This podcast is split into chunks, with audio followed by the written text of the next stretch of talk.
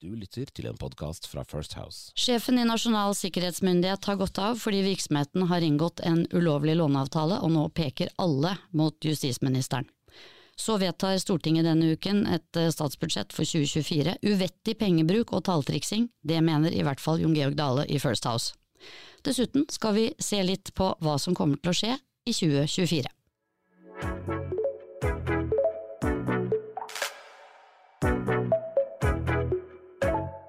Velkommen til eh, Skjæringspunktet. Det er en podkast laget av First House, og vi snakker om det som skjer nettopp i skjæringspunktet mellom politikk og næringsliv. Mitt navn er Cecilie Ditlev Simonsen. Jeg er partner og rådgiver i First House, og det er også de to jeg har med meg i studio, Jørn Georg Dale Hei.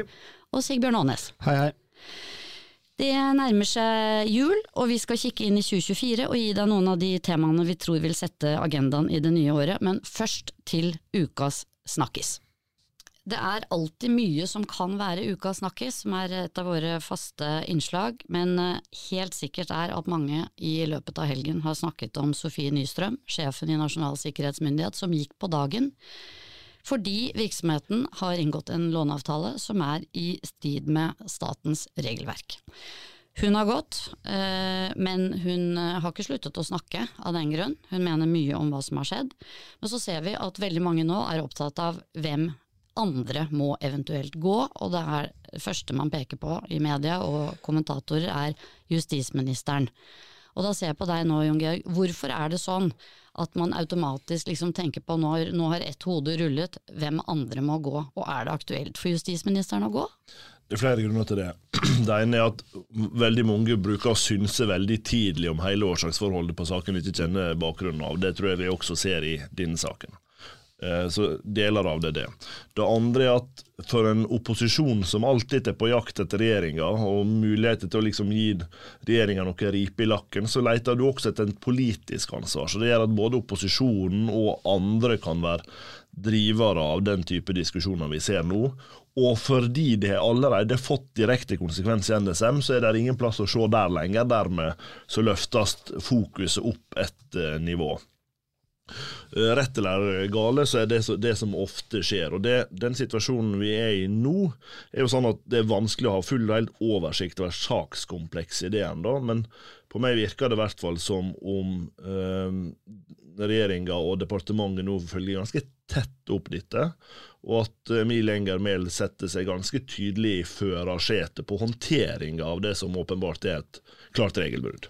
Men eh, bare jeg, dere snakker med folk i helgen dere også, og de jeg har snakket med sier sånn ja, men hvis noen i departementet har gjort en feil, så er det jo da noen i embetsverket som må gå, det er jo ikke justisministeren. Men for det første, vi vet ikke at departementet har gjort noe feil ennå. Det, det, har vi ikke sett noe dokumentasjon på, i hvert fall har ikke jeg fått det med meg.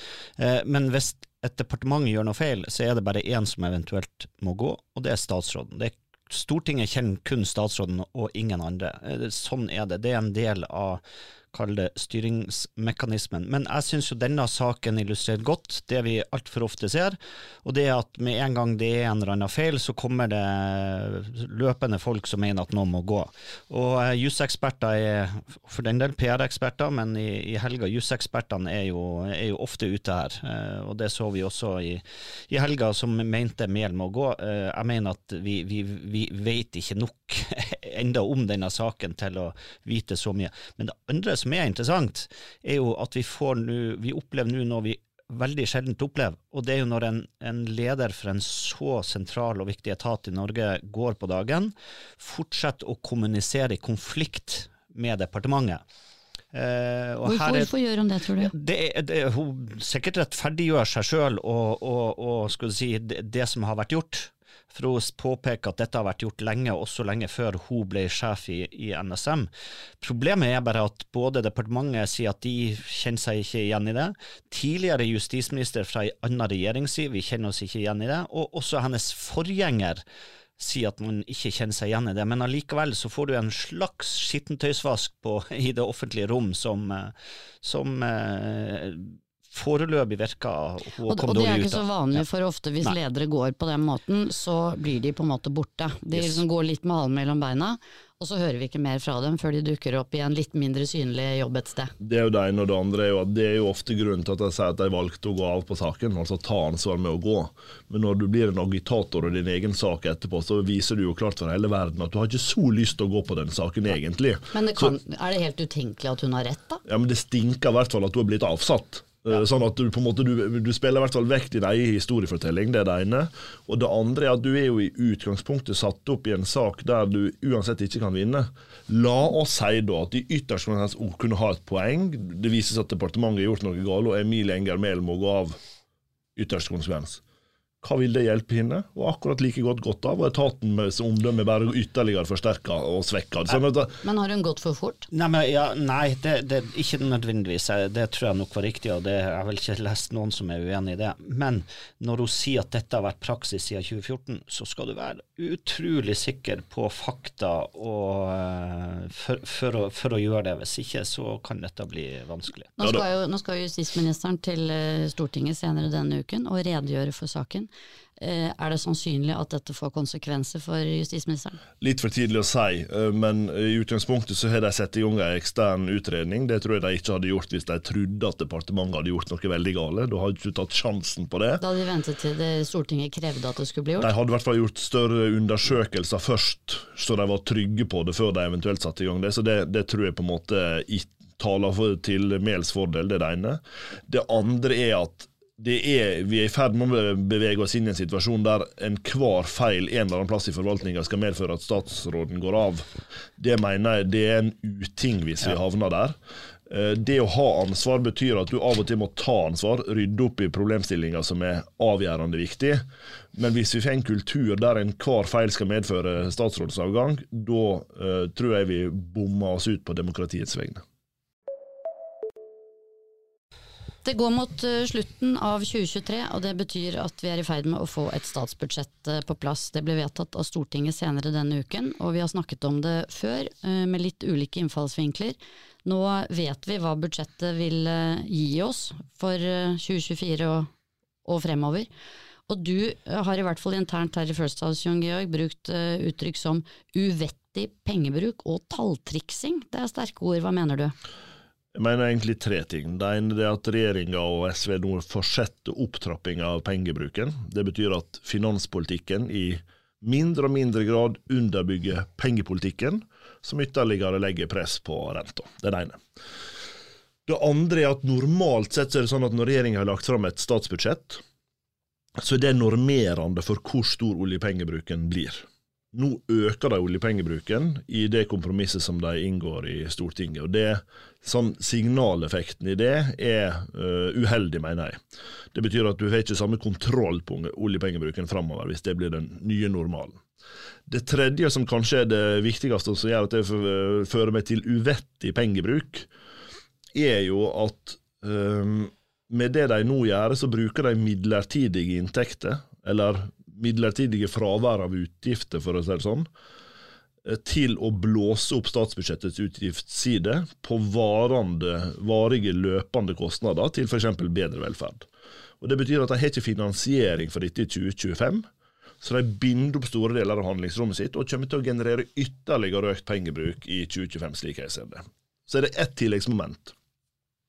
Og det at summen av det som regjeringa gjør nå når de trikser med tall og bruker engangsinntekter til å øke varige utgifter, og at de øker oljepengebruken, gjør at regjeringspartiene og SV nå bruker mer penger enn samtlige av de andre opposisjonspartiene gjør fra opposisjon.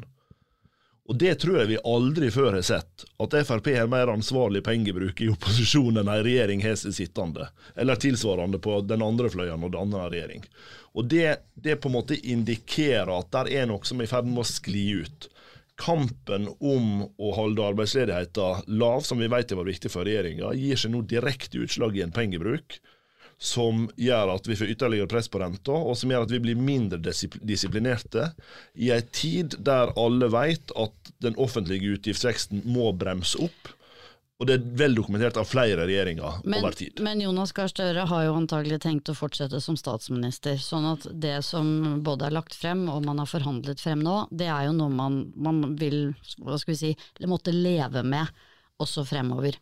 Og hvordan blir det egentlig for regjeringen, for dette blir jo tøffe tak. Ja, Det betyr jo f.eks. at de nå har 10 milliarder mindre å rutte med i budsjettet for 2025 enn de ellers ville hatt hvis de ikke hadde gjort det innen budsjettavtalen. Men er, er, det, er det så kortsiktig at man bare For å komme i havn nå, så vedtar man dette og lukker øynene for hvordan dette blir og tenker budsjett for året etterpå? Jeg har aldri sett et uh, budsjett som er oppgjort med så lite konkrete inndekningsforslag i de 15 åra jeg har holdt på med politikk på relativt sentralt nivå. Men, men det har jo skjedd før. altså Unnskyld at også forrige regjering kunne jo gjøre opp med litt ekstra utbytte, som jo også er engangs eh, inntekter på, på, varige utgifter. Men, men, størrelsen her var kanskje litt i, i drøyeste laget. Og det, og det, er du helt rett i, og det er element av det, men at en så stor andel av de nye utgiftsøkningene som kommer, kommer uten noen form for finansiering men hvis vi skal, jo, det har vi aldri sett. Men hvis vi skal forklare det, så er jo det, det er jo et resultat at det kanskje begynner å gå opp for regjeringa at der det er en smertegrense for norsk næringsliv og norske eiere på hva du bare kan ta opp av hatten og påføre økte utgifter. De, du har ekstraordinære arbeidsgiveravgift, du har de, alle disse grunnrenteskattene som, som som er, er kommet, de har, de har økt eierbeskatninga enormt. og det er klart at de, de, ser jo både på målingen og med flyttestrømmen til Sveits at dette, dette har faktisk det, det, betyr noe konkret for norsk næringsliv. Så, så, det er jo kanskje også et resultat av at de, de har skjønt nå at der finnes ei smertegrense. Det er ikke bare ei krukke du kan forsyne deg av uten konsekvenser. Men realiteten er at norsk politikk er i stadig større grad begynt å prioritere etter å prioritere alt opp og ingenting ned. Ja, og det eh, til sjuende og siste Det er jo artig at det kommer fra Fremskrittspartimannen ja, jeg, jeg, jeg erkjenner dette, ja. uh, men, men, men, men, her er vi ved kjernen. fordi at her er noe som plukker opp den regninga. Og det er norsk næringsliv, og det er norske pri privathusholdninger. Fordi det øker presset på at banken må holde igjen på uh, Men dette er jo velgere som sittende regjering eh, trenger fremover? Det er rett, men det er nettopp derfor jeg tror dette skjer. Og det skjer et bredere utvalg i politikken nå enn bare regjeringa. Men en let altså banken i større grad ta den belastninga enn å være med å ta en politisk belastning over konkrete prioriteringer. Og det som er det som er viktig å advare mot på sikt på det, er hvis dette blir en ny normal i norsk politikk, der en bare bruker mer og mer penger, men ikke faktisk tør å gjøre noen tøffe prioriteringer. Og Da kan vi gå tilbake til, liksom, til reformarbeid og den type vanskelig krevende ting. Før brukte Arbeiderpartiet å gjennomføre en pensjonsreform når du skulle skaffe mer penger. Nå øker de oljepengebruken og trikser med tall i stedet. Det er nytt i norsk politikk. Og dette skal vi leve med inn i 2024, men det skal jo skje litt uh, annet også. Uh, hva tenker du spesielt på da? Nei, jeg, jeg, vil si at 2024 er et kall det skjebne, skjebneår på, på, mange måter. Først så starta jo 2024 som uh, det gjør hvert år i Norge med NOs årskonferanse, som er den kanskje viktigste møteplassen og, og starten på et, på et, år. I år handler det om lederskap og løsninger, og, og jeg tror det, det, det, det jeg tror det kan gjøre godt med, med et såkalt så kall det optimistisk uh, utgangspunkt, for, uh, for, det skjer mye i 2024. Uh, kort oppsummert, vi, vi, vi, har jo sett nå de siste månedene Ukraina-krigen er borte fra verdens dagsorden. USA sliter, eller Biden sliter nå med å få finansiert våpenhjelp til Ukraina etter Midtøsten også spesielt, og krigen i Midtøsten splitter oss i Vesten. Og i 2024 så er det altså 70 valg i 40 ulike land. Det skal være valg i India, det er valg i EU, det er valg i USA, det er et såkalt valg i Russland. Det blir et spennende valg i Taiwan, fordi at hele den Kina-Taiwan er, er, er, så viktig for oss. altså Bare en sånn digresjon men tenk 65% av de mikrochipene vi bruker produseres i Taiwan. altså De er avgjørende for mobiltelefonene vi bruker, bilene vi kjører rundt i og datamaskinene vi jobber med. Så, så 2024 blir enormt viktig eh, på, på veldig mange områder. Og vi, I Europa så må, kommer vi til å måtte forberede oss på at eh, nesten uavhengig av hvem som vinner dette valget i USA, så vil eh, amerikansk oppmerksomhet gå til Asia og bort fra Europa, og vi er nødt til å klare oss i større grad sjøl. Og av alle de viktige temaene du nå var innom, så, så nevnte du ikke klima, men klima og natur ja, men det er neste. fordi at vi, vi i, i, 23 fikk vi, eller vi, vi fikk Montreal-avtalen. Det var vel desember 2022. eh, ikke 2023. Eh, vi er litt sto- vi er litt store på det her. Det går litt fort. Eh, og, og neste eh, toppmøte på natur er desember eh, 2024. Før den tid så skal, vi, skal regjeringa utarbeide en handlingsplan, eh, og det skjer veldig mye på naturfeltet. Vi, vi ser nå kom Miljødirektoratet vil forby all bygging på myr. Eh, Det er stadig diskusjoner om stopp i hyttebygging. Alt dette er pga. naturavtalen. Det interessante er at når du, når du ser disse artiklene, så preges de, så er Høyre, Arbeiderpartiet, Frp og Senterpartiet òg for så vidt fraværende. Eh, norsk næringsliv fraværende. Eh, norske næringsorganisasjoner fraværende. Debatten drives av naturorganisasjonene og de gamle klima-slash-miljøpartiene. Og dette, dette Men hvor lenge, ha kom, hvor lenge kommer det til å være sånn, tror du? Nei, før de andre melder seg på? det bør ikke ta lang tid. Altså, alle må melde seg på. For det første må vi gjøre noe med det. fordi at naturkrise er egentlig mye mer krevende enn en, en klimakrise, og de henger tett sammen. Men vi får ikke dette til hvis ikke også næringslivet er med. Og da, da er det mye bedre for norsk næringsliv å melde seg på tidlig istedenfor å, å skal komme og prøve å få en kaviar inn i tuben igjen etter at eh, mye har skjedd i Stortinget. Og på akkurat det hadde vært interessant å se liksom, på hvordan klarer næringslivet å håndtere det i 2024, litt i lys av hvordan klimapolitikken funker. For klimapolitikken starta litt på mange måter på samme måten som vi ser at naturdebatten gjør det nå. Det var noen NGO-er og øh, de klassiske miljøpartiene som var driveren da. Og så entra både næringslivet og de store partiene debatten litt seint, hvilket gjør at du må drive feilretting på politikken på mange måter. Eh, Mens i naturdebatten er det fortsatt mulighet til å ta en posisjon tidlig og styre den i en fornuftig retning som både klarer, gjør at vi klarer å oppnå de forpliktelsene vi har, men på en måte som er industri- og næringsvennlig i mye større grad enn en ellers kan få til. Så der er et kjempehandlingsrom på det. Og så må jeg bare si til det som Sigbjørn er inne på rundt valg og spenningsmomenter rundt det i 2024, så klart vi skulle nok ønske for mange av oss at vi hadde en litt lystigere inngang enn de valgene vi har sett på tampen av 2023. Sånn at politisk risiko som uh, følge av de liksom globale uh, valgene og trendene vi kommer til å se i 2024, kan også påvirke næringslivet her hjemme i veldig stor grad, og kanskje i større grad enn norsk politikk kan. Jon Georg, nå skal jeg gjøre noe som jeg aldri gjør. Jeg Skal du gi han ros? Nei, nei, så, så langt nei, vi ikke. nei, nei, nei. Ta det rolig. Jeg skal ha et snev av optimisme, eller jeg skal fortelle om noe som har vært positivt. Jeg Det var valget ja. Ja, ja da, men det var valget i Polen, for det tror jeg mange, de av oss som er opptatt av politisk stabilitet og europeisk samarbeid, så var valget i Polen veldig positivt. Det som derimot eh, gikk eh, kall det i feil retning, var jo valget i Nederland, som, hvor eh, ytre, ytre høyre fikk, ble det største partiet. Og, og det slår inn både i europeisk samarbeid, men også i hele altså, Europas forhold til Russland og krigen i Ukraina. Så det har så har mange utfordringer med, med det som skjer nå, selv om det har vært noen positive elementer i Øst-Europa. I, Norge så er det jo det er ikke valg i 2024, ikke et valgår. Men eh, partiene jobber jo med partipro, altså partiprogrammer og planer eh, frem, mot, eh, frem mot stortingsvalget i 2025. I hvilken grad vil, eh, vil det være mulig for næringslivet som er opptatt av å påvirke politikk, å liksom påvirke partienes eh, programarbeid? Eh, det er mulig, men da uh, ville rådet mitt være vær tidlig ute. Altså Ja. Den, den, eh, den tidslinja vil gå fort i løpet av denne våren.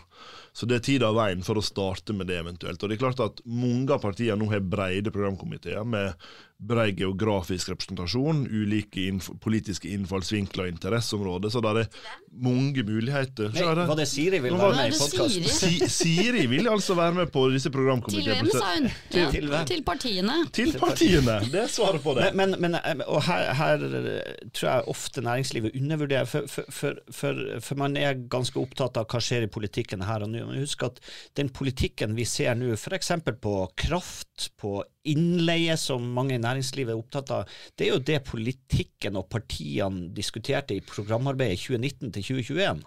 Det, er det, det er resultatet i dag. Så, så det, det, det vi må jobbe med i dag, og det næringslivet må jobbe med i dag, det er jo hvordan de vil at norsk politikk skal styres fra 2025 til 2029. Og, og, og, og hvis du ikke gjør den jobben i dag, så er det veldig vanskelig å komme i 2026 og, og, og klage over hvordan ting egentlig ble. Så, så her er de lange linjene i politikken. Ja, og det, det er jo en av de tingene som jeg syns er interessant å se hvordan ting går nå. For nå har vi sett de siste ukene at, at Trygve Slagsvold Vedum sier at den regjeringa de sitter i nå, er den ideelle. De vil ikke gå over blokka og samarbeide med Høyre, og de vil heller ikke slippe inn SV hvis de ikke helt nødt i 2025. For så vidt avklarende.